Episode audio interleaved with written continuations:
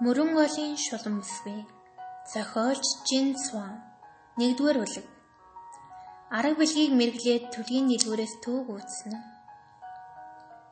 Хэрвээ тоор худалдагч өөрийн зааж буй тоорыг гашуун гэвэл худалдаа авч толгой хайлан холдох буйцаа. Гүйс худалдагч гүйсээ ялзарсан гэд хэлчихвэл авахар ирэх хүн ис болтох нь лавтай. Тэгвэл уран уран хэл урт хошуундаа дулдуудан амьдардаг хэрмэл төлөгч өөрийгөө арга билгийн болон тэнгэр газрын ясанд нэвтрээгүй амтэн хүнийг бацтаас зайлуулж буян хишиг рүү зөвлүүлж дөнгөхгүй гэд илт зарлчихвал хоол олж хоног төрүүлж дөнгөнө гэж юу? ертөнцид тийм тэнийг амтан байхгүй үсттэй. Байна. Тэр чин хэн байдаг вүлээ? И даазын. И даазын бол мөрөн голоор хэрэн гисэж мэрэг төлөв тавьдаг хүн билээ. 40 гаруй настай шоовондоо туранхай шар нүүртэй сүр сүлдэж үгүй өдрийн турш унтахаа царайлж явдаг. Тоож болмоор хідэн ямаан сахал нь нүүртэй зогссон шарангүй эрвийн сэрвийн үзэгдэнэ. Төлөгч хүний гол амин зуулга бол ам хэл байдаг байтал Ид Азигийн хоёр нэмгэн уруулна. Өдрийн дийлэнхийг хамгаалтай өнгөрөх нь олонтой. Тэр уулаасаа мордныг мохож явгныг цуцаах, улаан хөлтнийг урдуураа өнгөрүүлэхгүй, уран яруу үг хэлээр хавь ойрын хүмүүсийг өөртөө татах нь бүхэл хажуудад илгэсэн цагаан даавн хөшгөн дээр 10 төлгийн 9 нь магад муутай гэж алга дарам 5 том үсэг дурайлдал бичсэн байх нь хачирхалтай хүн гэдэг амьтан гай барцад тохиолдох шийдэж ядсан хэрэг явдалтай тулгарах аль эсвэл үеэс бүхэн өөдрөг боловч ямар нэгэн далдын хүчин буян заяанд нь санал хийлээд буй мэд санагдах үед мэрэгч төлөгчд очиж сэтгэлийн зовнилоо тайлдаг учиртай. Хэрвээ өвчин зовлонд баригдсан хүн эмч домжид очтол цаадах нь 10 хүнээс 9 өхнө гэд хэлчихвэл юу болох вэ дээ? Ид Азийн мэрэг төлгөр хоолоо олж иддэг. Цадах нэг үе байхад гэд сонголцох үеч бас зөнгүй. Гэвч тэрээр дамнуурын булан даахгүй төрөлхийн болох байнг амьтан хүний арт урд нь орж аяавыг нь олж дадаагүй. Түүний амьдралын гол утга учир нь зурхат номыг уншиж бясалгах явдал юм. Зурхат ном гэж ямар учиртай эдвэ хэмээн уншигч та асуух буйцаа. Пүси хүсийг зохиож Вин ман үгийн хэлхээсийг үлдэж күн 10 жигүүрийг нэмж оруулсан эртний гүн ухаантнуудын оюун бэлгийн дээж манлай болсон бүтээл юм. Уул номд ёс журамд нэвтрэх хүний амьдрал тэнгэр тэнгэр ёсны нууц өвцсийг олох гай барцтаас сэргийлэх талаар бичсэн байдгийн зэрэгцээ нүгэл буйны сайн муу ёрыг төлөвдөх гол төлхөр болж өгдөг юм. Анх күнз богд зурхат номд үндэслэн 50 ширхэг худсан савхаар төлөгдөх харгийг бий болгосон нь өдгөө төлгийн савх нь хээ хуар сийлэн уламж боловсронгүй болгожээ. Ид Азийн химээх энэ нэр хүртэл түүний амин зуулга болсон ажил мэргэжилтэй нь инхүү холбоотой болохоор тэрээр 50 ширхэг худсан савхаа барихаас өөр жохом юу хийх билээ дээ. Түүнээс гадна Ид Азийн цаг үргэлж хэрэн хэсэж төлгийн дэлгүүрээ нэг газар зоогоод 2 3 хоног тавьсан төлг нь үнэн худал айлч болов хамаагүй дэлгэмэл хөшөг төлгийн дэлгүүрээ хурааж аваад өөр зүг зорих тул үг хэлэнд өртдөггүй санаа амар явдаг байв. Энэ өдөр нар ууд голшихын хэрд тав хуваажийн тусганы хүмүүсийн хөл хөдөлгөөн улам ихслээ. Эд Азийн баруун зүүн хоёр талд түлгийн дэлгүүр зоогоостой байх бөгөөд зүүн талын дэлгэмэл хөшгөн дээр Ли Тэ Ква баруун талын дэлгэмэл хөшгөн дээр Лиу Бан Сян хэмээх хоёр зургаачийн нэр бичээстэй харагдана. Энэ хоёр дэлгэмэл хөшгөний дунд Эд Азийн бичсэн 10 төлгийн 9 магад муутай хэмээх үг тунчиг содон харагдаж байлаа. Гагцгүй Эд Азийн л өөр дөр нь хин нэгэн эрхийг хүлээн зөөрмүүлэн суух авэ. Дөрвөн талд малгай дээр нэгэн ялаа суугаад огт имээсэн шинжгүй хэсэг зур зоргоороо аялснаа төдөлгүй Ид Азигийн шарангуй яман сахал дээр нь бууж дүмнэ. Ид Азийн огтхон жажиггүй урдын адил унтсаар байлаа. Гэтэл нэгэн тусал ус цэв хүтэн мөс сайдлаа түүний чихэн дээр тусахад чихнийх нь номог чимчгэнэн өвдөж Ид Азийн толгоогоо сэгсрэх цуур Мөндөр бороо оруудаа гэж бодоод нүдээ нээн үзвэл наран дээр мандаж тэнгэр цэлмэг байх тул юу мөндөр бороо байх вүлээ дээ. Тэсгэлгүй гайхах зур өмнө нь нас залуу маш гоо үзэгслэн төгс бүхэн ирснийг үзвэл лавтай түүний унагсан нулимсан тусал чихийг нь онсон бололтой. Энэ залуу бүсгүй ямар их шидэг олсон болоод ганц Нулимсэн тусал нь хүний махан биеийг өвтгдөг билээ хэмээн ий даацын гайхан бодогцоод мөнөө бүсгүй нэгэн тусал нулимс тунгалаг хар нүднээс нь сувдран унаж төлөгчийн зулайг чиглэн ирэв.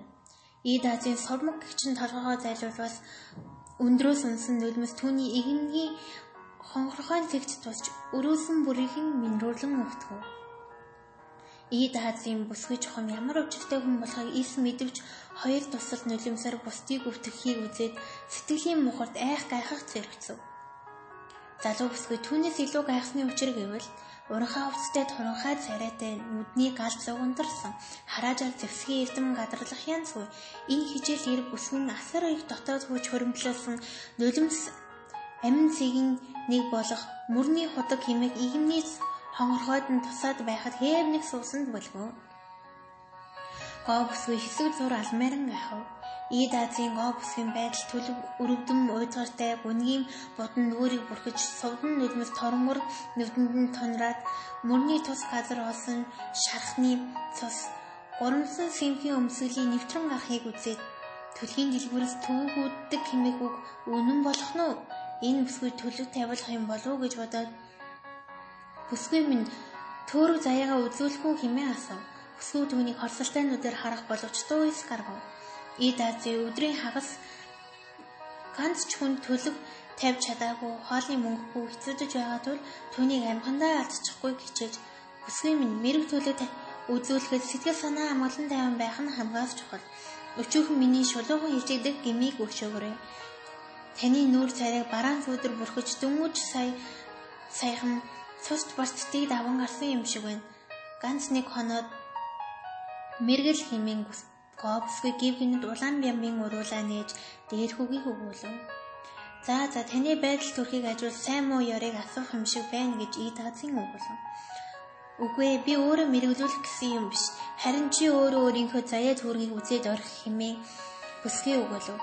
Би юу да тийм ээ чи Бодвол чи арга бэлэгт нэвтэрч 8 хөлсийг мэддэг ертөнц дахны үлсий буян гай барцад хүний хорвоогийн нүгэл буян андахгүй тааварладаг биз тийм байж өөрийнхөө заяа төргийг үзэж байгаагүй юм уу?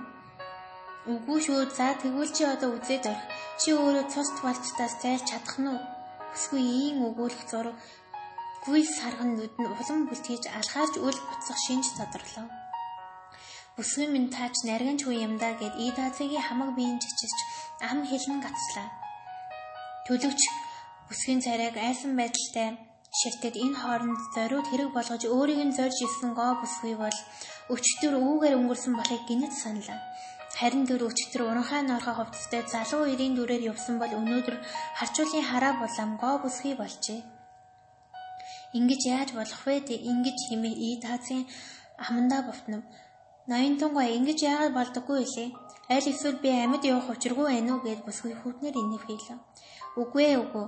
Би чамайг чим шинжиж үзвэс үзвэс ээлсэн бараан суудар арилж төөрөгч нааш эргэжээ.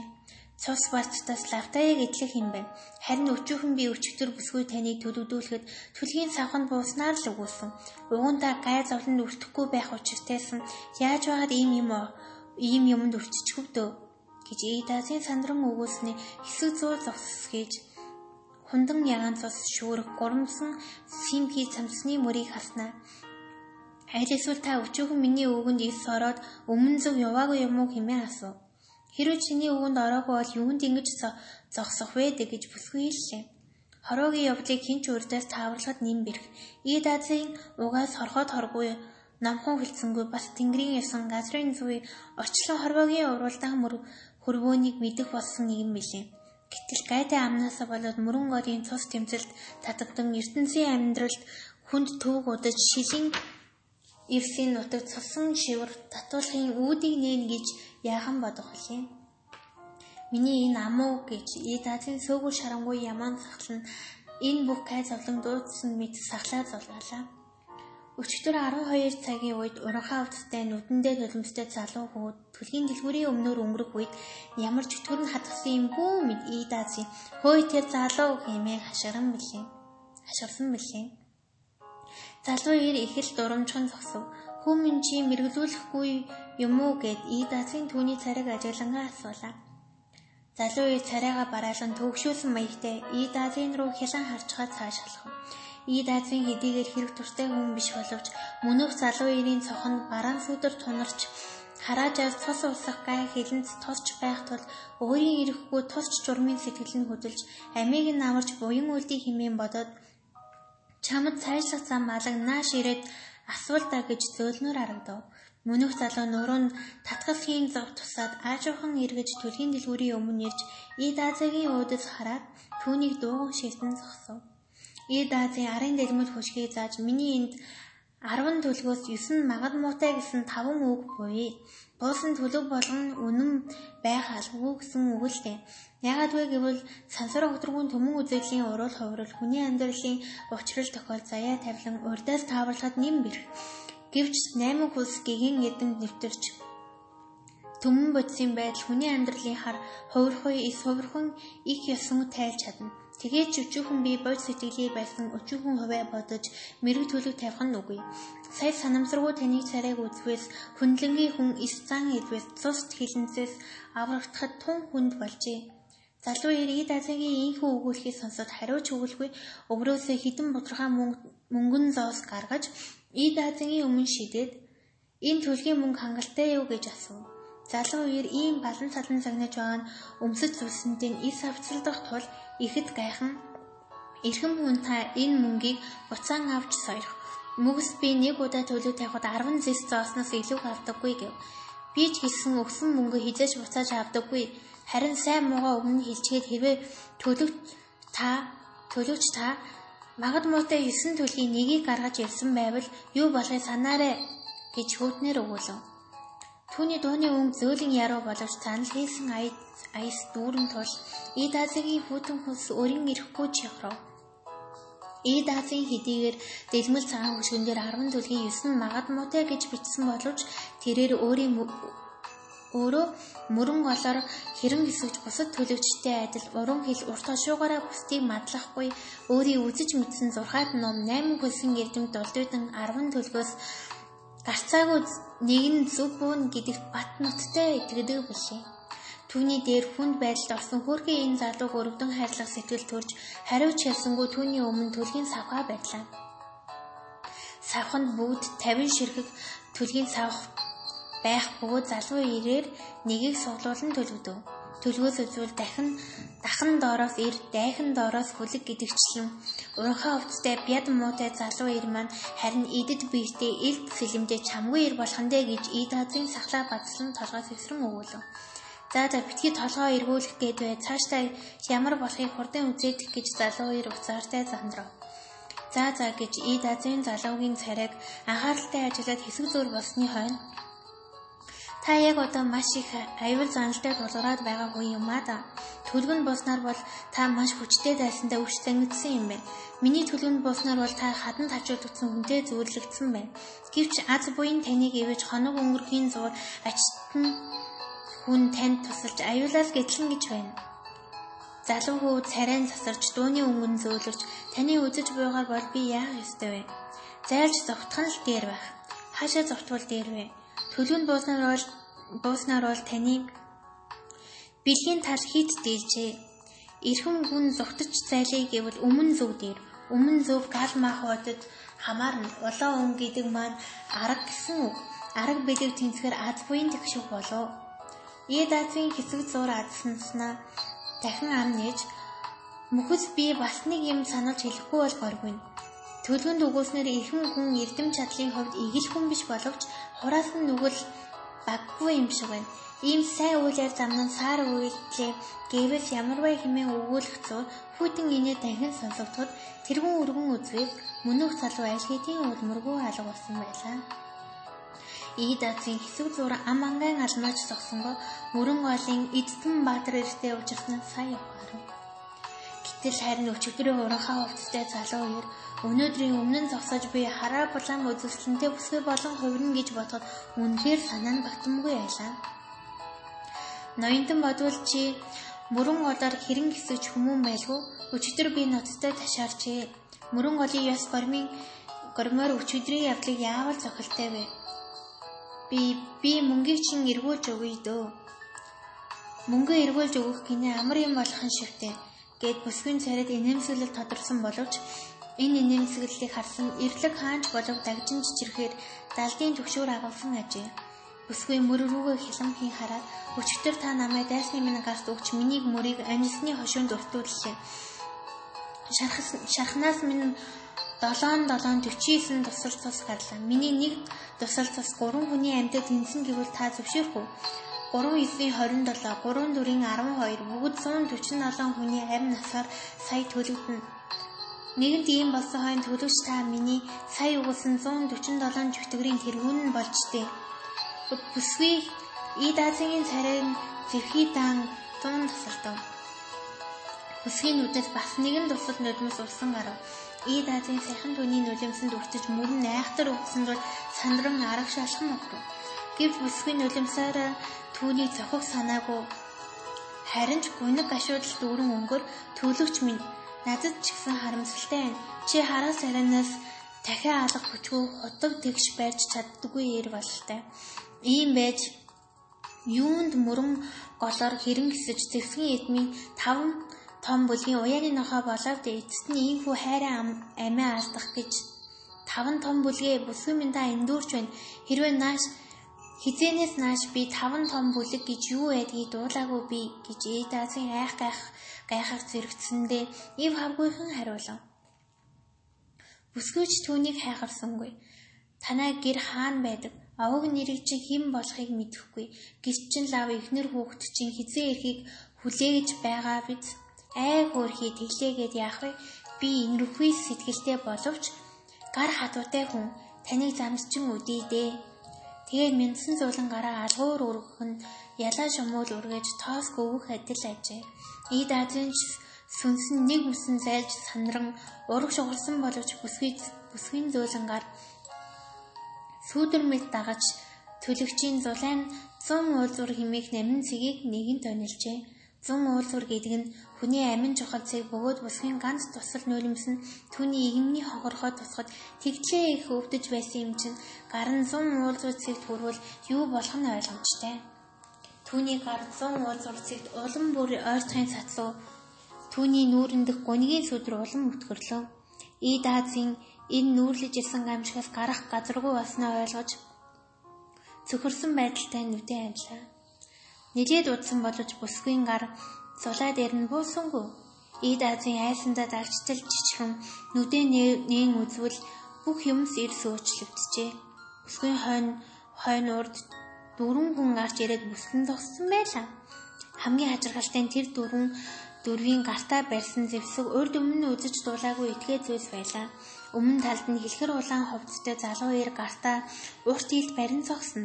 Өмсөн зүс нь гал улаан боловч царай нь хасын цагаан баатар идэрхэг боловч боловсон ёсорхуу дүртэй ажээ. Ар талд нь бавайсан хууд сахалтай дунд иргэм насны хар хувцастай хүн газар дээр байгаа байдлаа том завны сэлүүр хэв нэг байжээ. Гэтэл барьсан сэлүүр нь мод биш байгил хар ширмэл зутган хийсэн ид байлаа. Зүүн тал зогсох цэнгэр увцтай бүсгүй гартаа бүх өнгийн модон бялуу шийдэн байсан нь дөнгөж сайхан хугуулж авсан гэлтэй үзүүр нь үзүүр хэсэг нь хідэн хормын өмнө дэлгэр дэлгэрээ болов гэмээр болбраа удын хідэн навчис салхины аясаас сэрвэлзэн худлаа. Гэтэл сайхан хугуулж авчтэй гэж бодсон нь эндүрүүл болж бялууны бариул хэсэг нь гарын алганд илэгдэн өвгүй мөлгөр болсон харагдана. Баруун гар талд нь 40 орчим насны тоос шороон дарагдсан утастай амглан хинэггүй дүртэй ир амжсны хушуу мөрлөн зогсон хөдөөх тариачин саяхан талбайгаасаа бууж ирээ юу гэлтэй нилээд ядрангуй царайтай харагдана. Сайтар ажиглавал энэ амжсны хушуу жирийн нэг амжсны хушуу биш дээд зэргийн ширээсээр ширээсэн ангаар цуцгалсан этгээд янзын цэргийн зэвсэг байжээ. Идасын хэдийгээр мөрөн голоор бэдэн хэсэж царай шинжин мэрэг төлөг тавьдаг төлөгч боловч шилийн ерсэн зан үйлийг огтхонж гадралдаггүй нэгэн билээ. Мөнөх нүгэл гоо бүсгүй өөрийг нь эрлэг хааны залхаар өргсөн гараа татаж тойрон бусасан гурван ир нэг бүсгийг цоо шортон зогсхийг үзээд ий даазыг тун чих гайхлаа. Гэвч бүсгүй зорин эс энэ дөрвөн хүн мөрөн голыг донцолгосон таван махуудын бүлгийн дөрвөн том толгойлогч гэдгийг яахан мэдэх вүлээ. Мөрөн голын таван махуудын бүлэгт төмөр мод ус гал шороо махуудын бүлгүүд багтдаг юм. Там махуудын бүлэг нь нэр сүр ихтэй хэдэн зуун жилийн турш мөрөн голыг донцолгож ирсэн билээ. Шодрог зайгуул айланч айланч бай тав махуудын бүлэгт хамаарагдвал мөрөн гол даяар төвөггүй хоолоо олж иддэг ажээ. Тав махуудын бүлгийн гол төлөвж журмаар айлдан харгасыг хөнөөж баяныг алж ядууг тэтгэдэг. Үйс мөр шудраг шулуун зэвхий эрдэм гоц гойдороо алдаршсан тул мөрөн голын буруу номтнууд тэднийг үзэн ядах боловч зориглон хөдлөх өдөр нэг ховор. Таван махуудын бүлэг нь нэг урсгал биш өөр өөр чиглэлийн зэвсгийн эрдэм бясалгалыг дагнаж юурдийн цагт мөр мөрөө хөөдөг. Харин хэдэн үеийн өвөг дээдсэн найрсаг харилцаатай чиг зориг ижил байсан тул би биедээ хэрэг тохиолдвол тусдим болох хажээ. Тав махуудын бүлгийн толгойлогчид юрдийн цагт мөрөн голоор үзэгдэх нь маш ховор. Чухал том хэрэг гарвал нилээд итгэлтэй шав нараараа дамжуулан үзэгддэг. Харин өнөөдөр төмөр махбодын толгойлогч Алтан хануур жадаж чин каналуугаас бусад модон махбодын толгойлогч муу цэнся усан махбодын толгойлогч шүүд даа гал махбодын толгойлогч хоо шавчун шороо махбодын толгойлогч түүдийн хаан нар нийлэн мөнөө бүсгүй бүслэн авахыг үзвэл үл таних бүсгүй тунж бэр хамтан болох нь илэрхий. Гэнэт усан махбодын толгойлогч шүү шүүд аюун дүнсгэл царайлан ам нээж Энэ оюутан буруу ташаа төлөгдсөн гэж чамд хэн хэлэв? Өчигдөр өдийн хийд манай түүдийн хаан энэ ноёнгоор төлөг тавиулсан гарцаагүй таарсан биш үү? Энэ төлөгчийг хийснээр бид чанха өмнө зүг яваад уулын таан толгодын үр чамтай тулгалсан. Чамаар элдийн хідэн нарийн арга заалгасан мэдтэй.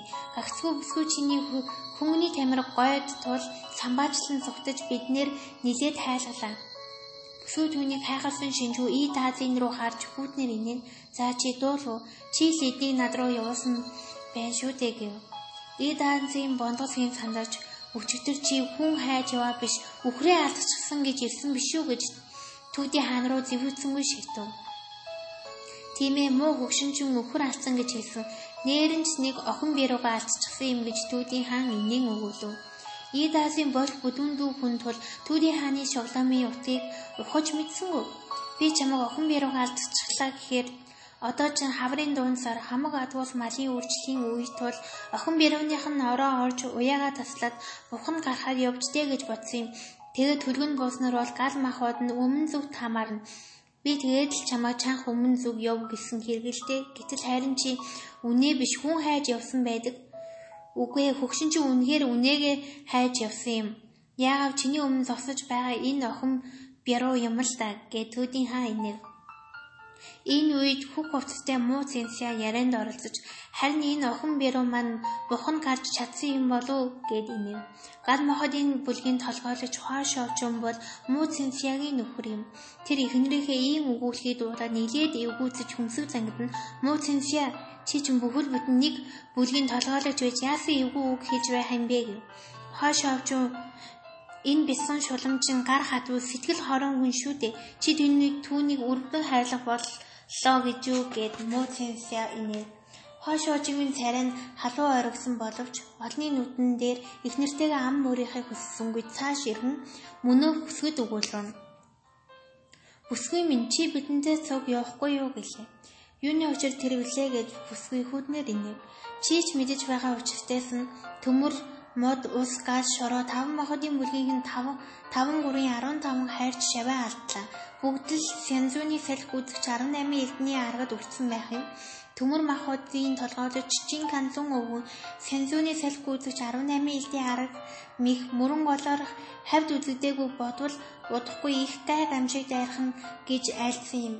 Бид дөрөв одоо төрүүчийн эртсэн 15 шав нараа дээр нэмэгдээд Сенсуны салхи гүйцэгч 18 элтийн аргыг үзэхээр ирлээ. Чиний над давтаад байгаа тэр Сенсуны салхи гүйцэгч илт чинь надад ямар хамаатай юм бэ? Хамаагүй бол бүр сайн биз гэж хоошоож нэлээд дүлгэн болж булцхийн аргагүй шийдмэг өнгөөр салгуулan өгүүлв. Бүсгүй одоо бидэнтэй яваад өвгөн жинийд буруу зүгөө ялгуулгаас ямар вэ? Та нар ч Хааны элч нар юм уу зүгээр явсан хүн барьж аваад л би хэрв явахгүй гэвэл ямар вэ гэж бүсгүй өгвөл арай тэгж чадахгүй үстэй гэж хоошооч өгвөл Мэдхгүй л андаа гэж бүсгүй царай улам бараалаа. Өнөөхөр нь мөрөн голын дунд таван махуудын бүлгийнхний гараас мулдарсан хүн байхгүй л байгаа шүү гэж хоошооч хэлв. Ноёнтон та жаал мартамхаа ямаада өчигдөр би та нараас мултран гарч чадавдтэй хэмээн өсвий хүүтнэр инээн өгүүлв. Хоошоочгийн нүур улсхийн хариу хэлж завдаагүй байтал хайртай ихнэр муу цэвшээ тосон авч муу шулан минь Өчигдөр шөнө хин нэг нь чиний хөөрхөн царайд татагдаж алмаараагүй бол чи өдөө толгоогоо чөтгөр болох байсан юм. Чи л болоод мэдэхгүй байх уу гэж сандлаа. Хоошоочон гуйлан сухалсандаа бандаж нүүр нь уламж улдснаа илдээ суглаад за бүсгүй минь олон үг яриад яах вэ? Чадваа үзүүлээрэй гэв. Та нар тооны олондоо ирдэж бол ялна гэж гордвоо хэмээн бүсгүй асуулаа. Үгүй хаанаас бүсгүй чи өчигөн надаас ганц хэмих илүү гардаг юм бол би дахид чиний хэрэгд оролцохгүй гэж хоошоочон хамгаарав. Би одоо чамаас айх болж гэнэ үү гэж бүсгүй өгөөлээ бие хагас мөрөн ардаа уурсан Айдны уутнаас яах ихийн зургуу нэгэн эрдний илт гаргаж ирлээ. Хаашоожин хэдийгээр гойд гарамгай элччин боловч хүүхэн хэдий самандаа элдээ хуунасаа суугыг харж амжсангүй мөнөөх элдийн хурц үзүү түүний цээжний тэнгэрийн цоргоо тундад танхим гордлогийн үүд гэсэн гурван амин цэгийг чиглэн нэрлээ. Буцаа хурдан хөдөлж байна шүү гэж хоошоочин өгүүлв.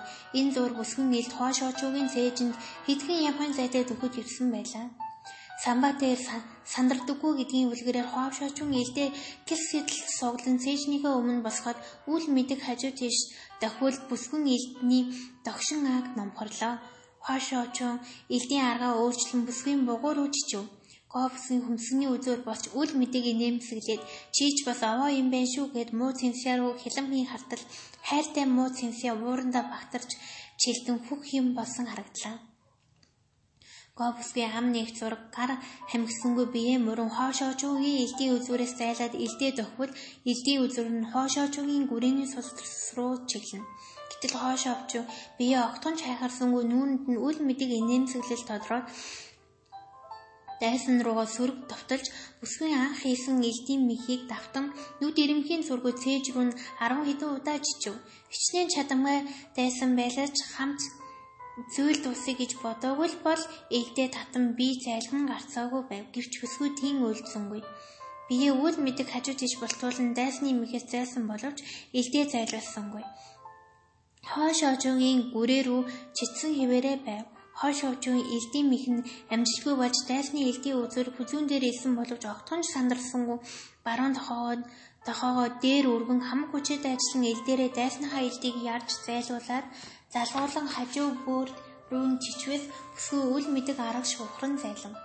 Тэр хоёр ийн 10 хэдэн удаа хаалт тулалдах бүртээ 3-аас 5 янзын элдийн арга мэд хэрэгэлсэн боловч бүсгүй огтун ч эмээсэн янзгүй харин ч үрдийн хэн бүхний мэдих босоо хэлний 3 байдал хэмээх аргаар тулалдана.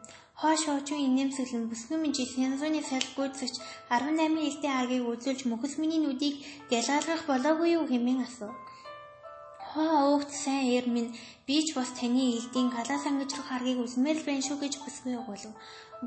Мөрөн галын мөрөн голын гаргууд чадaltaй сайн ерс туралдах үедээ дайсан хөдлөөгүй байхад би хөдлөхгүй. Дайсан хөдлөвөл би ч хөдлөн гэсэн гол зочин баримталдаг юм. Бүсгүй чуулаасыг хэрсүү сэргэлэн тул мөрөн голын хамгийн гарамгай элч чинь нэгэндээ тулалдангууд хаанаас шууд гол арга мэхийг хэрэглэх вүлээ дээ. Хоош очинч гэсэн хүчээр нүүн галаас ангижрах элдийн аргыг хэрэгэлсэнгүй. Зэвсгийн эзэнд анх суралцаж байгаа хүнч гэсэн энэ учрыг мэдэх хүлээ. Гэвч муу цэнсягийн хардах сэтгэл оюуны нүдийг нь хааж өөрийн мэдлгүй хөөе та хоёр чинь тулалдаад байгаа мó эсвэл сэтгэлээ нээлцэд байгаа хэрэггүй хэмээн хашгирав. Хоош очуу ихнэр нөхцөлгүй хартай инээж хөг рүү тоглож наргах уурлаж хэрэлдэх юм бүхэнд л хар хорийн үг авчирдаг занг нь мэдэх тул жаахан уудвал уламж сонсоход бэрх үгсийг урсгаж гарна гэж бодоод царайгаа төв болгон цаад бүсүүд хандан өгүүлрв. Бүсгүй минь чи надад нүүр өгч сензуны салхи гүцэж 18 элдийн арга үзүүлэхгүй бол уучлаарай. Бид дөрөв нийлэн бүгд чамаас хідэн арга мих үзүүлж хайрлахыг хүсэж байна гэв. Мөнөө хүсвэ. Би ч Харин та нараас хідэн зүйл сурч авлаа. Тооны олноор боорлож дайрах нь мөрөн голыг донслуулсан таван махуудын бүлгийнхний шалгарсан арга ажээ гэв. Хоо шавж өчүүхэн ч эцсэн царай гаргалгүй хоо авогт миний аргагүй байдлыг болгоно уу? Би зэвсгийн эдмийг амшигээ дээлжилж үздэг ус. Одоо мөрөн голоор бүсгүй лугаа адил зэвсгийн эдмийн гоц гой даргуудыг эзэмсэн хүн ховор болж бидний шиг нэр сүртэй ус халт тулалдах өрсөлдөгч олдохгүй хэцүү юм. Иймд бид хэд чантай тулчаад юу ч үзэлгүй буцна гэдэг эрдний ууланд очиод хоолон буцахтай адил хэрэг болно гэв. Нэр сүртэй ус гинүү нохоо долоо цаашаа хэмээ хоош очин ичигч үгүй их үг хэлхийг сонсоод бүсгүй ихэд зэвүүцэн хүүднэр инээвхэлж Сянзүний салхи гүцэгч 18 элдний арга гэж юу болохыг би мэдэхгүй. Мэддэг байлаач та нар шиг нүл сүртэй нэр сэстэй улсыг дөнгөд хэрэг болохгүй байлгүй харин би энэ хідэн хөдөөгийн аргаараа та хэдээс жаалж уул юм олж авъя гэв. Тэр ийм өгүүлэл босоо элдний гурван байдлаар нэгэн зэрэг хоош ховжун, шүү дааюн, түүди хаа, муу цэнсиан нарын амин цэг рүү хатгав. Босоо элдийн гурван байдал нь твсгийн эзмийн хамгийн дэлгэрсэн энгийн арга юм. Анх сурч буй балчир хүүхэд ч элдийн энэ арга мэдгийг чадна. Гэвч энэ юрдийн арга нь бүсгүй хөнгөн зөөлөн ашгаа хосгоогоод дотоод хүчтэй нийлээд сэтгэл сэрд хийлгэн шид өвцгийг олжээ. Хэрвээ дайсан этгээд нь Зэвсгийн эрдэнэ боловсрч хараахан гүйцээгүй амьдад байсан бол туйлын төгсгөл нь их л таагүй болохын дээр ядаж маш их сандрах байсан нь ойлгомжтой. Гэвч цаад дөрвөн мөрөн голын хосгүй баатрууд болох тул бүсгүй ийхүү босоо элдийн гурван байдал аргийг хэрэглэж байгаа нь басамжлан давхаргаснаас өөрсгүй хэрэг байв. Хоош хоочонч арай гайгүй харин шууд аюун түүдийн хаанаар царай хуурган муу шуламжин тахуу хийж байна уу гэмээ харав. Муу цэнсийн анханасаа энэ гоо бүсгүй нүхэртэн сэтгнэд байна гэж хардан түүнийг амьдаар нь залхих залхихаарч буцахгүй байгаа тул үгийн ч зөрөөгөө бэлугаа шүүрэн авч өсөлдөгч бүсгийн цээж рүү далайн зохив. Энэ богино бялуу бол модон махуудын төл бүлгийн үе удам дамжуулан ирсэн эдмэд зэвсэг билээ. Муу цэнсяач энэ бялуугаараа хатгах ширвэг цавчигт зохих харганд боловсрсан ажээ. Хамгийн гайхалтай нь бялууны үзүүрт буй хідэн ногоон навчин дотоод хүчээр үйлчлэх үед дайсны амин цэгийг онон хөнөөдгөөрөө маш аюултай байв. Шууд аюун төдий хаанаарч зэрэг тогтлон оров. Шууд аюуны барьсан сэлүүр нь ширмэн төмрөө сутгаж хийсэн тул 56 жин хүнд бүсгийн хоёр хөл рүү сэлгэн цуглан 56 жин хүнд ширмэн төмрийг Хуй салхи адил хөнгөн шимнээр эргүүлэн тулдаж буйг үзвэл хоёр гартаа буцгаа хүчтийн шинж илт ажээ. Түүдийн хаан шилийн эрс маш цөөн хэргэлдэг анжсны хошуугаараа дайсан руугаа довтлон. Түүний байдал төлөв нь игэл боргил өмсөн хувцс нь ёрог даав болож ширээсэн болдоо цутгаж хийсэн анжсны хошин үзүүрийн хэсэгтээ эртээ тул сэлэн мэт цавчна. Арын бариул нь модыг чад Монголдог бэрээ болгон ашиглаж болно. Иймд хэргийн хүн халт тулахад нэм бэрх ажээ. Түүдийн хаан анжисын хошуун зэвсгэрээ бүсгүн цээжин бие рүү дотлно. Ийм мөнөө бүсгүй цээжин биерээ анжисны хошуу бүсгийгээрээ богино бэлуу хөлөөрөө ширмэн сэлүүрт давтлуулах тул цорын ганц зам нь агаарт өсөрч дгүүлж энэхүү аялт гурван зэвсгээс түр зайлж цаашдын замаа бодох үлджээ. Гэвч ийм санаа төрөнгөд Пош овчун тааварлаж мэдсэн мэт илдээ барин давталж ирээд толгой дээгүүр нь сэнс мэд эргэлдэв. Хавш овчун бүсгийн цорын ганц ухрах замыг хаагаад за бүсгийн минь чи салхи гүйцэгч 18 элдийн арга эсэргэлвэл таван махуудын хүрээнээс зогтож чадахгүй шиг байна да хэмээн инээ өгүүлв. Бүсгүй хоо шоожгийн дайжинсан үгэнд хор шарн буцлан хүч тамир нь хоромхон зуур нэмэгдэж хм өчигөн мүү бэрөө байж бухын баасар баах нь гэж цээж бүсэлхийг хөлөөр дайрах зэвсгийг хайхад сүнгүй эрдний ил дээр хоо шоожгийн илдийг ялж зайлуулаад сүүдэр мэд хөнгөн шингэнээр агаар дүүлэн өсөрч нүүд ирэмхийн зургуу гурван алдын цаана буулаа. Гэвч түүний газарт сүртэй зогсож амжаагүй шахан байхад дөрвөн дайсан зэрэг шахан дайран ирээ дахин бүслэн аглаа. Бүсгүйн царай огтон шуурсангүй урдын адил тулалдах боловч дотроо нэлээд балмагдаж эхлэв. Ганц бүсгүй хичнээн их эрдэм чадaltaй байлаач мөрөн голын хамгийн гарамгай дөрвөн баатартай ганцаар тулалдаж байгаа тул нэг их удалгүй завчуулж өгдөггүй юмаа гэхэд ядарч шалдаа бухан гарцаагүй. Өөр чинь үүлий таан толгодын үрт яг ийм там махотын хүрээлэлд орсон боловч салхи ихтэй саран мандаагүй ашиглаж өөрийн гойд хүмүүний тамираар бүсгэлтээс мултран зогтож чадсан билээ. Гэвч өнөөдөр цэлмэг нартай байгаад зүгтийг ээжч энэ дүрийн гараас хаа зайлах вүлээ. Алалцах уу хайр найргуу алалцсанаар л энэ золгүй ужирлаас мултран үлджээ. Энэ бодол төрөнгөд гоо бүсгийн нүдэнд нулимс мэлмэрч сувд мэд гэлтгэнсээр доош унлаа. Усан махбодын бүлгийн толгойлогч шууд аюун бүсгийн зан мэдэх болсон тул нүдэнд нь гурвалжин гурвалжлан ихэд сандарч нүд нь гурвалжлан ихэд сандарч бүгд анхааралтай байцгаагаар наад шуламжин уйлж байна хүн алах нь бололтой гэв. Цаад өрн бүгд сэтгэл сэрдэхийн хамаг анхаарлаад ажиллан тулалдах болов. Одоо бүсгүй хичнээн аюултай арга мэг хэрэглээж дайсныхаа хамрыг шалбуулахад ч нэмбэрх болжээ. Байдал бүсгүйд уламж муугаар ирв. Бүсгүй улам сандарч дотроо ихэд тачаадах боловч Сэнзуйны салхи гүйцэгч 18 элдийн аргаа үзүүлэхгүй л байлаа. Учир нь бүсгүй анх удаа мөрөн голд гарч ирж байгаа тул шилэн эрсийн дунд эрдэм чадалтан олон гэдгийг хараахан төсөөлөөгүй ил сэлмийн энгийн аргаар гарамгаа баадруудыг дөнгөжих мэт бодож байсан билээ. Тулалдаан улам ширүүрч бүсгүй аргагүй байдалд орохын даваан дээр гинэд нэгэн хүн их дуугаар та нар түр завсарлаад мөхөл миний үгийг сонс хэмээн хаширах дуулдлаа. Энэ үед гудамж зээлийн хүмүүс шилийн баадруудын үст тулааныг үзэж үзээд гай таарч түнд өртчихвээ гэж болгоомжлоод зарж үрж байсан жааж уул юмаа хам хум хамж хумж аваад толгой хандсан зүг рүүгээ зогтсон байв. Гагцгүй төлөгч И даазын төлгийн дэлгүүрийн даагуур толгоо шургуулan хөдөлгөө бүгтэн бүгтэн И даазын гинэд гарч ирсэн гурван эрэгтэй нэг эмэгтэй үг ярианаас хэргийн учрыг таамаглаж тэд бол гоо бүсгийн өстөн болохыг мэджээ. Энэ залуу гоо бүсгүй яхаараа ийм аюултай дайснуудтай үс цангиддаг байна вэ?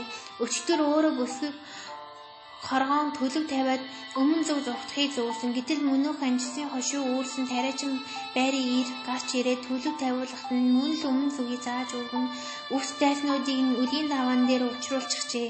Гоо бүсгүй ганц биеэр дөрвөн дайсныг дийлэлгүй шарах болоод шүний ханхуугаар зайлан зогтотой өөрийг нь тав махуудын бүлгийнхний заншлаач туршуул гэж бодоод үс авахар ирсэн санамсаргүй энэ дөрөв лүгээ дахин тулгарчээ гэж бодов. Идадын сая өөрийн өөрийн ирэхгүй хашгирсан юм. Гэвч түүний дуу элд сэлмийн хашаанд дарагдаад хинч сонссонгүй. Сонслоо ч гэсэн хин энэ ядарсан доорой хижээл төлөгчийн тоо төлөгчийг тоож харах үлээ дээ. Тэгээд ч мөрөн голын сайн явсан үс хонсон ачлал имэрлийг дахиад алчих чадалгүй энэ муу төлөгч яахан тайлж чадах вүлээ. Хүн хэдийгээ дорой буурай маанагдуу боловч И даазын шулуун шудраг яс бусын зүйлийг үзэж чаддгүй хүмүүлээ. И даазын хүмүүс нэгийг нохоо мэд боорлон улаалсандаа өөрийн нь эс тоохыг үзээд уурлаж багтарсандаа ямаа сахлан жижигэн бүтэлж өсрөн болж ирээд болцгоо химээ их дуунаар хашгирав. Нөгөө тав нэгэн зэрэг гараар татаж хойш нэг нэг алхам ухарлаа. Бүгднгийнх нь чих хүчит аянгийн дуу дуусан мэд дүнгэн дугуйхад амай хангаа алмаран гахацхав. Иргэн тойноо гүйлгэн үзэж И даазынгаас өөр хин ч үгүй ажээ. Тэгэд И даазын харвал энэ сүрьё өвчтэй мэд цонхгор турхаа ир асар их дотоод хүчтэй мэд сонсогдсон саяын дууг яаж гаргасан байх вэ гэж бодохоор аж. Үгүй нэр нь дахан доороос ир дайхан доороос хүлэг гэдэгчлэн энэ хүн өөрийгөө илчлээгүй шилийн хүчит сайн ирэн болбоо да. Ийм бодоо дахин сайн харуул тийм байх учир алгаа.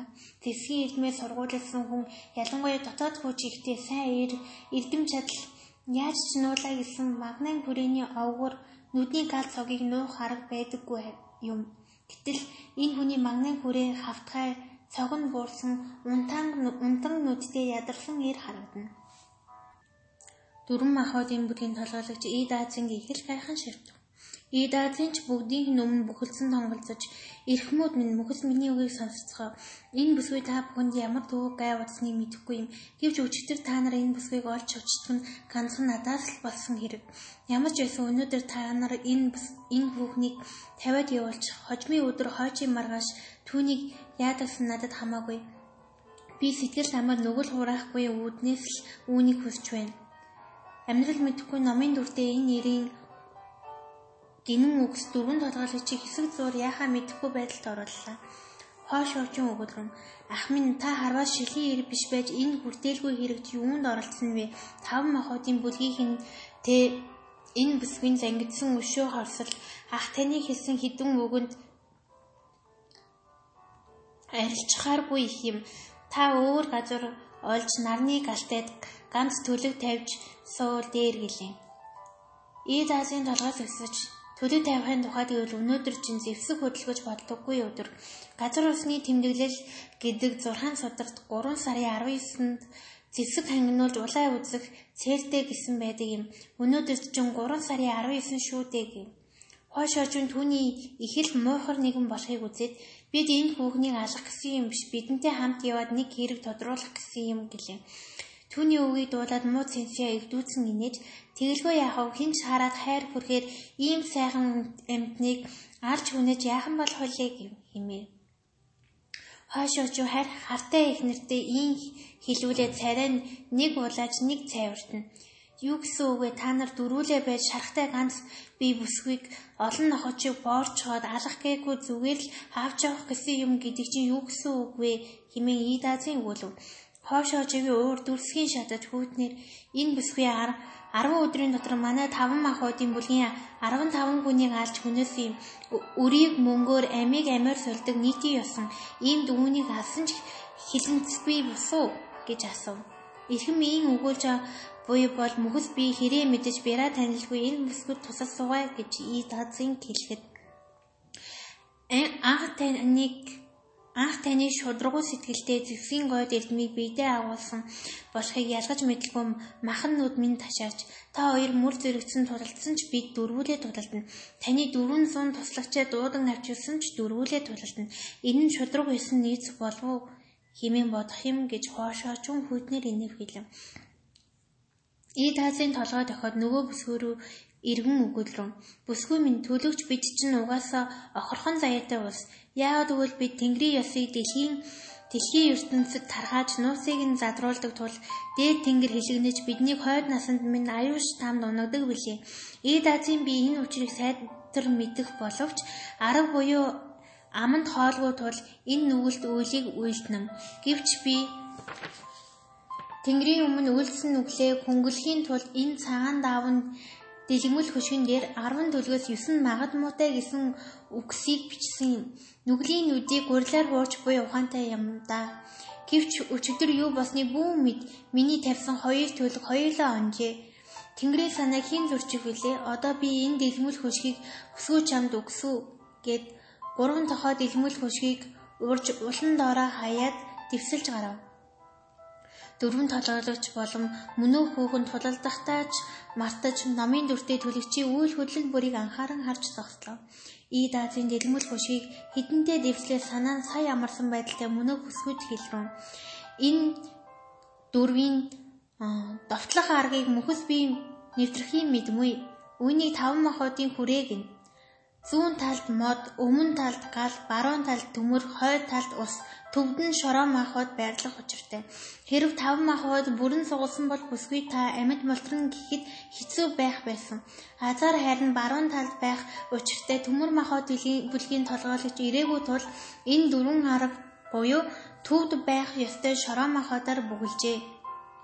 Харин энэ хүрээний хэвэл нь хоосорч шороо нь баруун тийш шилжин орон хоосорсон тул аргацаач байхад амаргүй. Бүсгүй та одоо баруун тийш тавталбаас энэ хүрээ дийлж гарах нь эргэлзээгүй.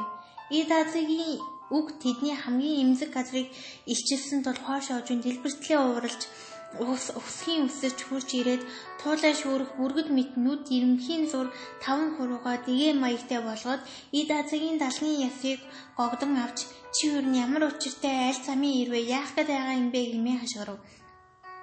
Дэвсгийн эдмэр хичээллэгч альва хүмүүн дайсандаа далны ясаа хуглуул бас хамаг эрдэм шадлаа гэж 3 настай хүүхдийч дөнгөж чадхааргүй амтан болдог юм. Иймд тэд далны ясыг эмзэг амин цэгээсэж дутхгүй эрхэмлэн хамгаалдаг ёстой. Хойш хожуугийн гар цахилгаан адил хурдан түргэн хөдөлсөн тул мөрөн голын хамгийн гаргамаа ээж хамгаалахад нэм бэрх хажээ. Түүний дээр Ид Азийн угаас цэцгийн эрдмэр хичээлдэг бус тул далны яс шүүрч авдгийн чухам мөчрийг ис мэдэх учраас огтхон ч эсэргүүцэлгүй хоош очвол далныхаа ясыг огдуулсан байжээ. Хоош очоо юу юуны туханд хөрөлгөө хөнгөн гомоо хандах ир биш тул өрсөлдөх дайсныхаа ямар учиртай хүн болохыг мэдгээс нааш хамаа босоод шархтуулж твцсэнгүй. Тэрвэр дотоод хүчээ гартаа хураагаад Идазин руу шилтэж чи өөрийнхөө ямар учиртай хүн болохыг хэлхээс нааш амьд мултрна гэж гордсны гарц гэж хашаарав. Идазигийн шарангуй туранхай царай айснаасаа болоод хүмүүний өнгөө алджээ. Хоош хожуу нүүр нүд нь уурласнасаа болж өмсөн өмсөн хувцтай адил улаанаар эргэлдэхэд Ид Азийн сүнсөө зайдал айн арга шухрыг химээ сэтгвч далны ясаа гогдуулсан тул чадсангүй. Тавилда тавь гэж Ид Азийн ердийн тариачийн ир шиг хов шоожогийн зүг арга мухардан сайн ир чинь үгээр өгүүлж амаар айлгаг айлгадагсан чи харахад төвшин байрын хүн байж яахан энэ дээрэнгүү айшилж зөрглөн вэ гэж сандран хашгирав. Хойш хожим түүний энэ бүх үйл хөдлөлөөс төсөө уургасан сайн ир биш болохыг мэдлээ. Хэрв энэ төлөвч төсөө уургасан сайн ир байсан бол эмзэг газраа дайсанд атгуулсан үед өөрийн ирэхгүй дотоод хүч нь урсан гарч бие хамгаалах нь зайлшгүй. Гэвч хөөрхий төлөвч маань далнаасаа гогдуулсан боловч өчүүхэн төдий дотоод хөөж гаргасангүй үйл хөдлөл нь тарих чирээс ялгагдахгүй ялгагдах юмгүй ажээ. ертөнцийн арай ийм тэнэг сайн ир гэж баймааргүй юм а.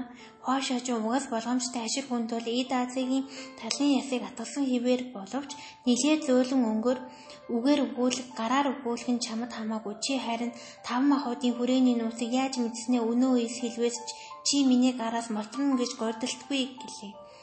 Ноёнтон та ухаантай хүн атлаа үүний учрыг мэдэхгүй байна гэж би чинь мөрөн голын хэрмэл төлөгч арга билет тав махуудын ясыг эс мэдвээс юуных нь төлөгч байх вүлээ хэрв ноёнтын энэ нууцаа хадгалъя гэж боддог бол би дахин энэ талаар ам ангаахгүй хэмээн ид азийн өгүүлв Хошоожун түүний үг учиртай болохыг дуурайад эргэлзэх зур хайр технэр муу цэнсян нөхөр нь зориуд цаг удаж өнөөх гоо бүсгүй зогтох боломж олохыг санаархаж байна гэж сэжиглээд хүүтнэр энэ нь гол дайснаа орогчоод юу ч чадахгүй хэрмэл төлөвчтэй хэрэлдээ зогсоод байдаг нь юу вэ? Тэгвэл энэ муу шуламтай чинь би үжилцгээгээд богино билууга барин хүүхний зүг давтлаа Хоош хожуу ихнэрийнх нь эдэм чадалцаад бүсгүй энэ зэрэг хол дутхыг мэдих тул Ид Азийн тавиад ухасхийн бүсгийн өмнө очиж байраа эзлэв.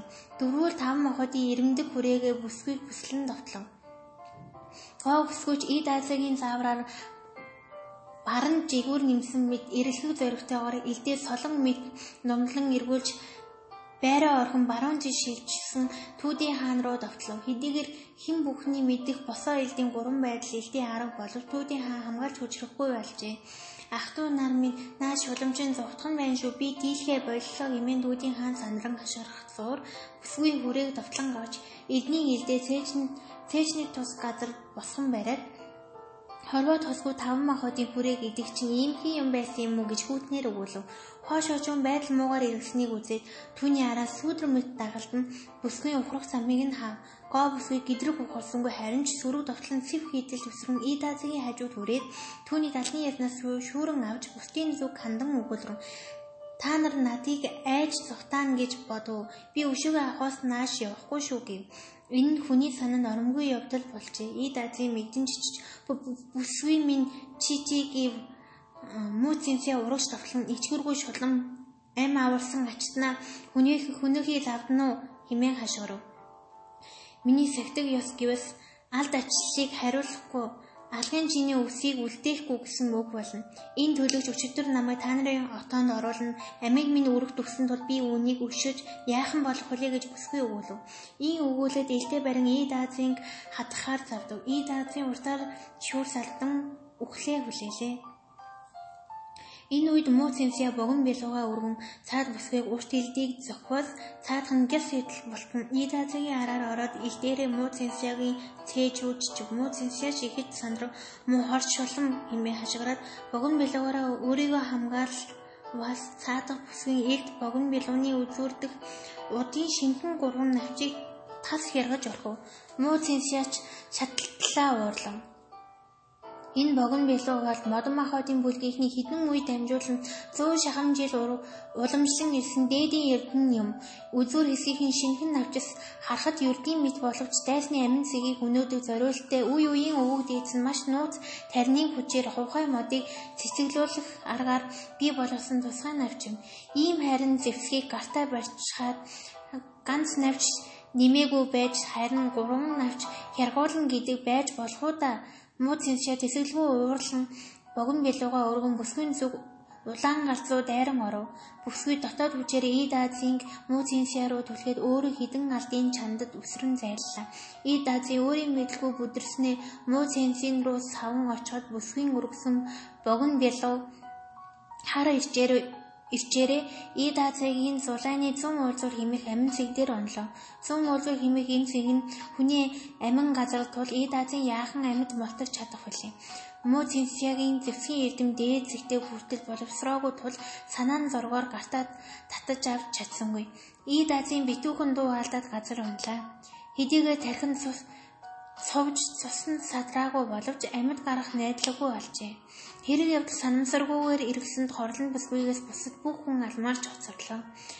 Тав мохотын дөрөв толгойлож ганц хүүхнийг бүслээд алах ёстойгоо алалгүй гэмгэн хүний бодийг хөдөлгчдөг байна шүү. Мөнчиг шудраг ариун ус болдоо хи хи хи. Төмөр мод ус гал шороо тав мохотын бүлгийнхний сүрчтэй гэж юу ч болоогүй мэд гоо бүсгүй хүүтнэр инэв хэлв. Энэ үнэндээ өөрийнх нь үйлдсэн нүгэл бусдын толгой дээр бууж байгаа хэрэг үлээ. Гэвч олонний нүдэн дээр өөрийнх нь бэлэв хасаар байдал төлөгчийн толгой дээр буусан тул муу цэнсээ би дүүрэн амьтай байгаа ч өөрийгөө өмгөөлөх аргагүй болжээ. Муу цэнсээ эцсэн хүн хүн ална гихч болж богино бэлугасаа салхимэд эргүүлэн гоо бүсгийн зүг дайран орлоо. Цаад бүсгэн хідэнтэй зэвүүнээр хөгрөөд хідэн галын цаана усран гаж зүгтгийг задав. Энэ үед хоош оожун сая сэхээ ууж урагшгүйгээд Дунд долоовор хоёр хуруугаараа салхи хэсгэрүүлэн цахилах муу цэнсягийн богино билүүг хавчин аваад муу цэнся хөдлөх аргагүй болов. Муу цэнся ихэд уурлан нүдээ дүрлийгээд аа чи бас шулам юмтэй нээлж намайг алах гээ юу химээ хашгирав. Хошоочон түүнийг хайгарсан шинжгүй богон бэлууг нь хавчсан хിവэр тул муу цэнсээ яаж чадсангүй.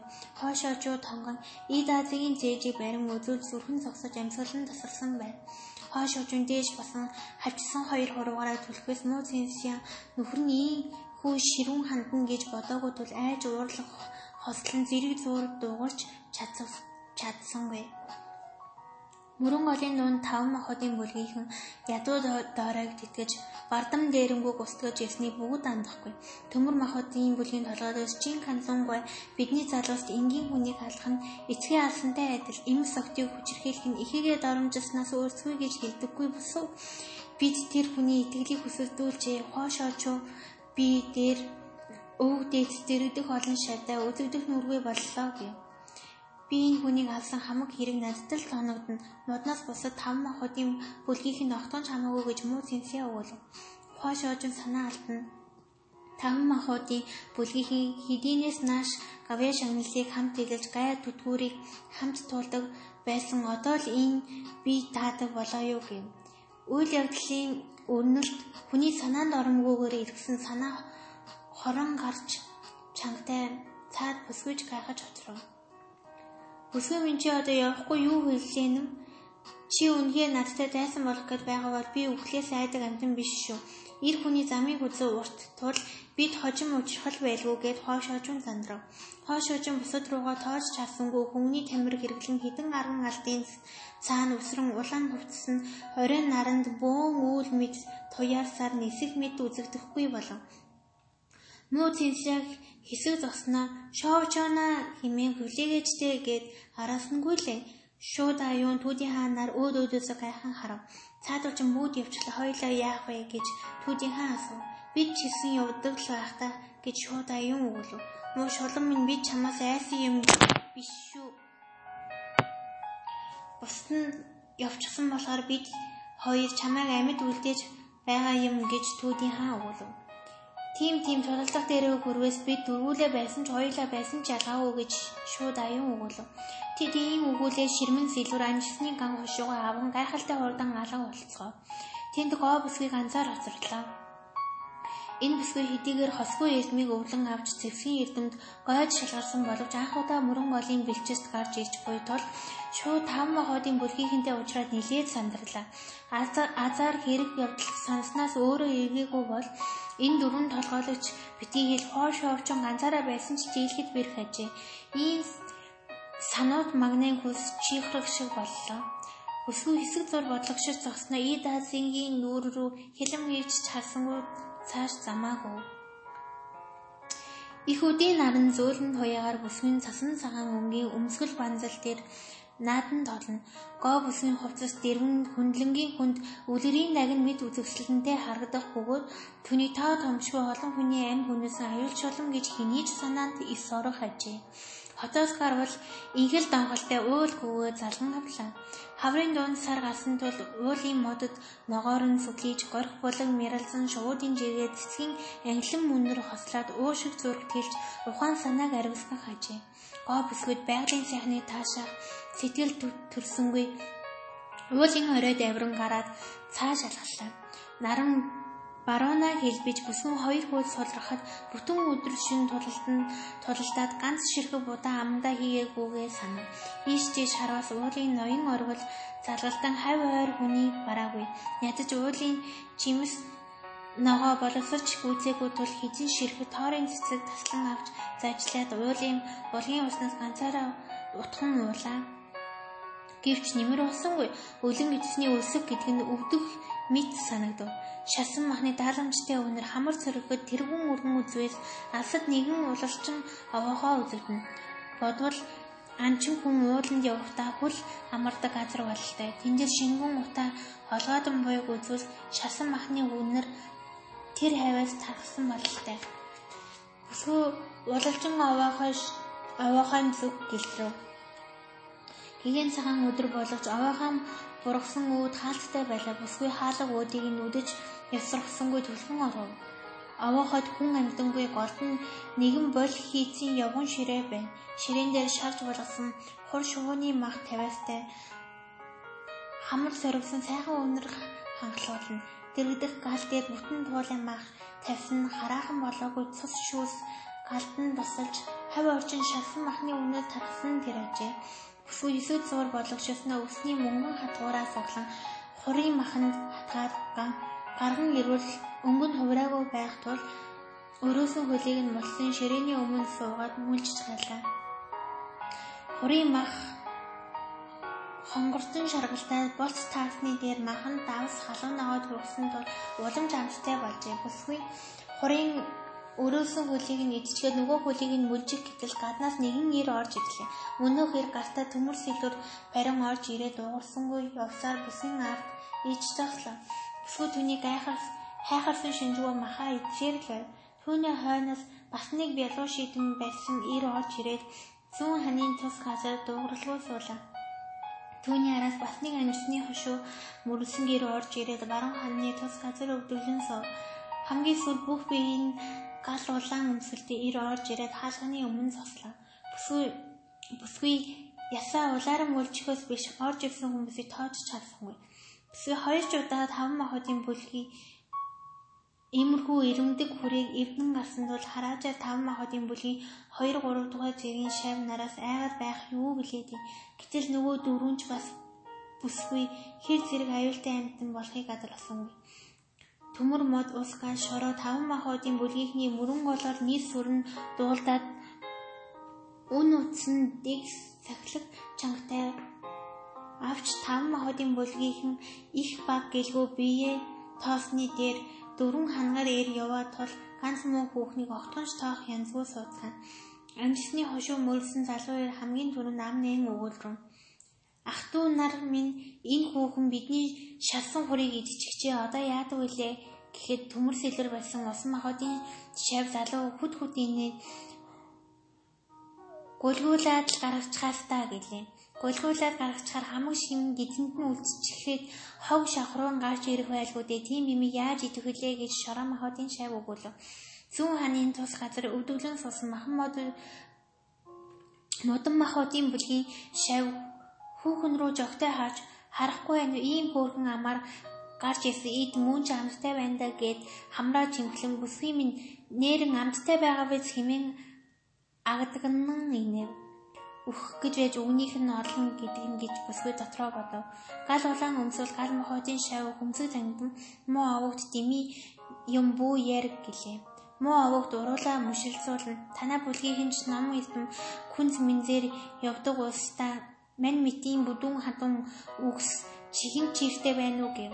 Гал мохотын шав их л ёсорхоо өгүүлвэн. Үгүй багш минь бидэнд энэ хүүхний ивийг нь олоод аваад ирээрэй гэсэн шүү дээ гээд өсгөж хандан та болгон сойхно хэмэв. Энэ л хамгийн гайгүй байж магадгүй. Гар зөрүүлгийн цагт үүнийг л хамгийн түрүүнд анзаарахгүй бол болохгүй нь байна шүү гэж бүсгүй бодов. Ийм бодох зур өгч дугуулсангүй хурын ясаа нэг нэгэнгөө мөлжиж их л төвчээр гарган суулаа. Гал мохоодын шав гартаа элдээ барин уурш очоод бүсгүй минь цадсан бол бидэнтэй явна уу гэв. Бүсгүй хорийн ясыг цэвэрлэн ширээн дээр хаяад хөлсний алжуураараа гараа сайтар арчив. Гараа сайтар цэвэрлэж дуусаас сэтгэл хангалуун Зугуухан босч ирэх зуур бүсгийн нүдэнд нулимс мэлтрэн гар махуудын шав залууд хандан өгүүлрэн.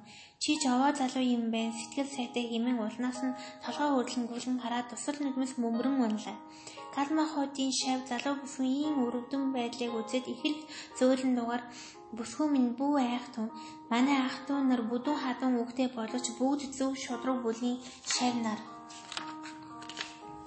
Мөрөн голоор андахгүй Мэдэж байна. Би сая чамайг сэтгэл сайтай гэж хэлсэн. Тийм болгоо чи энэ дөрвийн дунд хамгийн баг зовох болно гэд бүсгүй толгой тохов.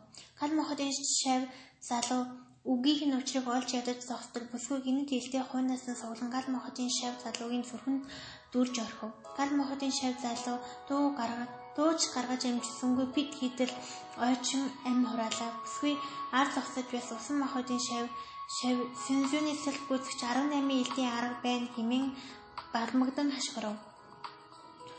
Овоо хурц нүдтэй эмгээж сая би дэндүү хурдан хийсэн тул чи харж амжаагүй байх. Энэ удаа сайн харж ав гэж бүсгүй эргэн усны усан махуудын шавын цээж рүү хатгав. Шороо модон махуудын бүлгийн шавнаар бүсгүй ийм хэвцгийн явуулахын үзэл шуламжин хүн алчглаа гэж халиу зэрэг дайрыг гээд бүсгүй баруун зүүн талаас довтлон товтлогон ирлээ. Бүсгүй тэр хоёрыг үзээгүй мэд илдээ зугуйхан ах болов. Илт хэдийгээр маш зугуйхан хатгаж усан махуудын бүлгийн шав сэлүүрээ эргүүлэх боловч харсаар байтал түүний гидсэнд илт шаан орсон нь хачаалтай. Цаатхан сэлүүрээ орхон хоёр гараараа гидсээ тэврэн унаж ойрдуу тавих нь өгүүлхэн аргагүй гатлантай. Модон махуудын шав мөнөөх бүхэн ийм хадуу ширүүн авиртай бусдын зовлонгоор баясал болохыг үзээд тэсгэлгүй уурлан муу хар хорт шулам нэмээ хашгирав. Фүү түүний богино биелгнаас чадмаг зайлаад хамгийн их хорыг чи амсах болондоо гэх зур шороо махуудын шавын гидэс рүү чичв.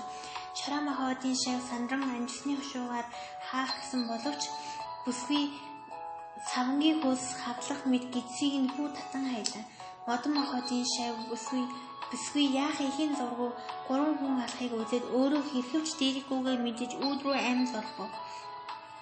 Чи сэнзүүний салхи гүзэж 18 элднээс зогтно гэж одоо юу гэж бүсгүй өгүүлээд элдээс сунган модон махуудын бүлийн шавын далгуун дүрээд өөд нь татвас түүний талны ясан чихрэн дуурав.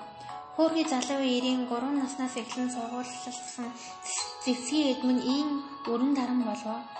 Эсвэл үзүүлсэн саяын арга бол Сянзууны салхи үзэж 18 элдийн арга ажээ.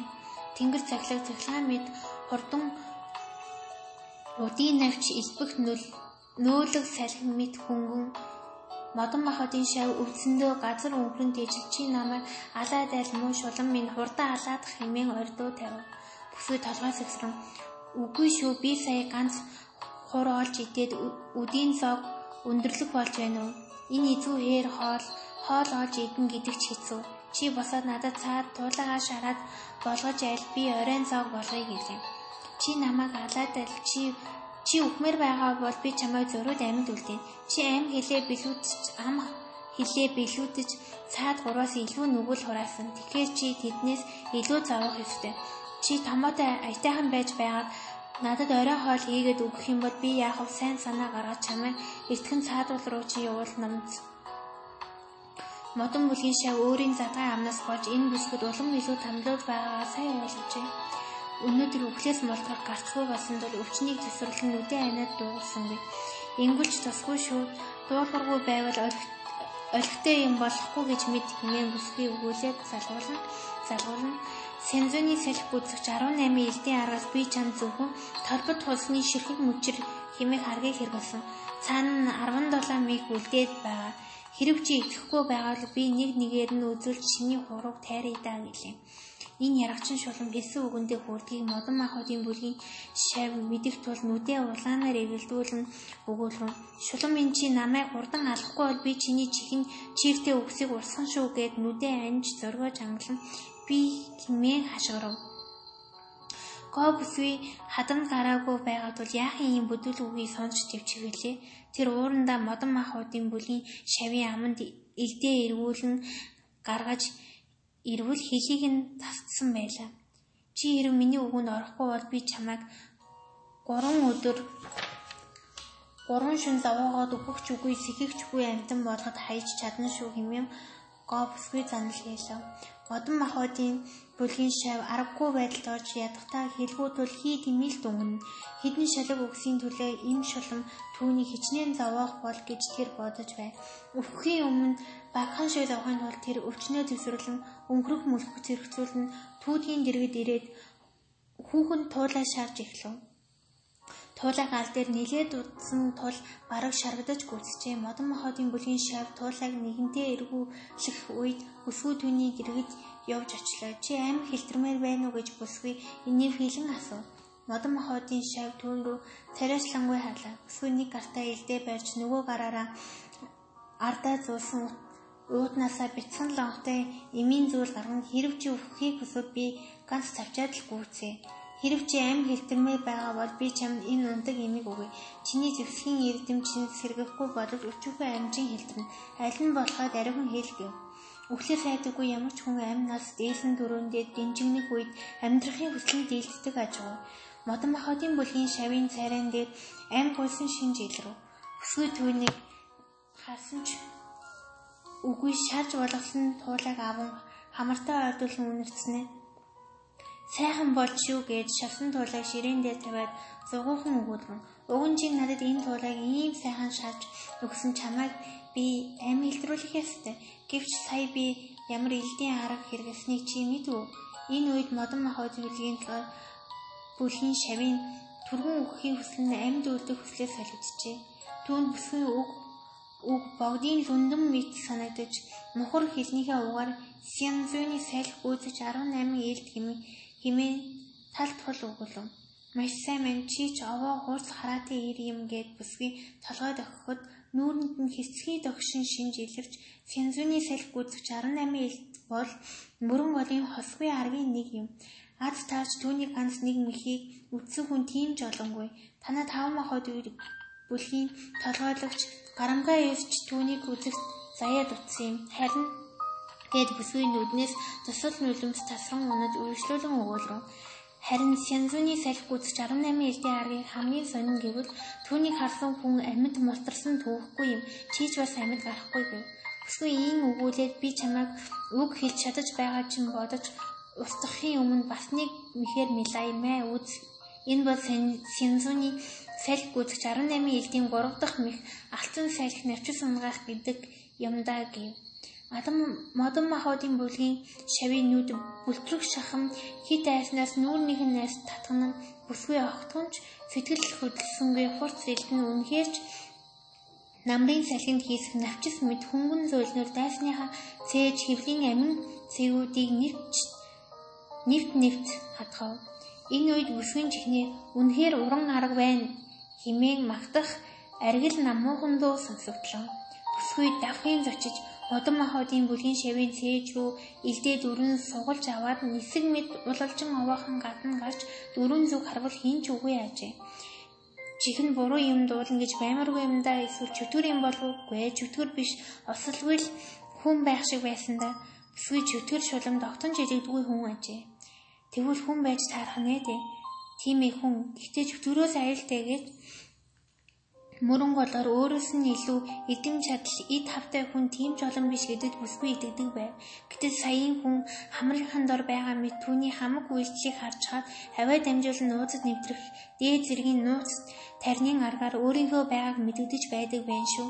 Ийм гоц чадaltaй хүн хэрв хэрв түүний амийг авъя гэж бодох юм бол алга уруулах мэд амар юм шүү.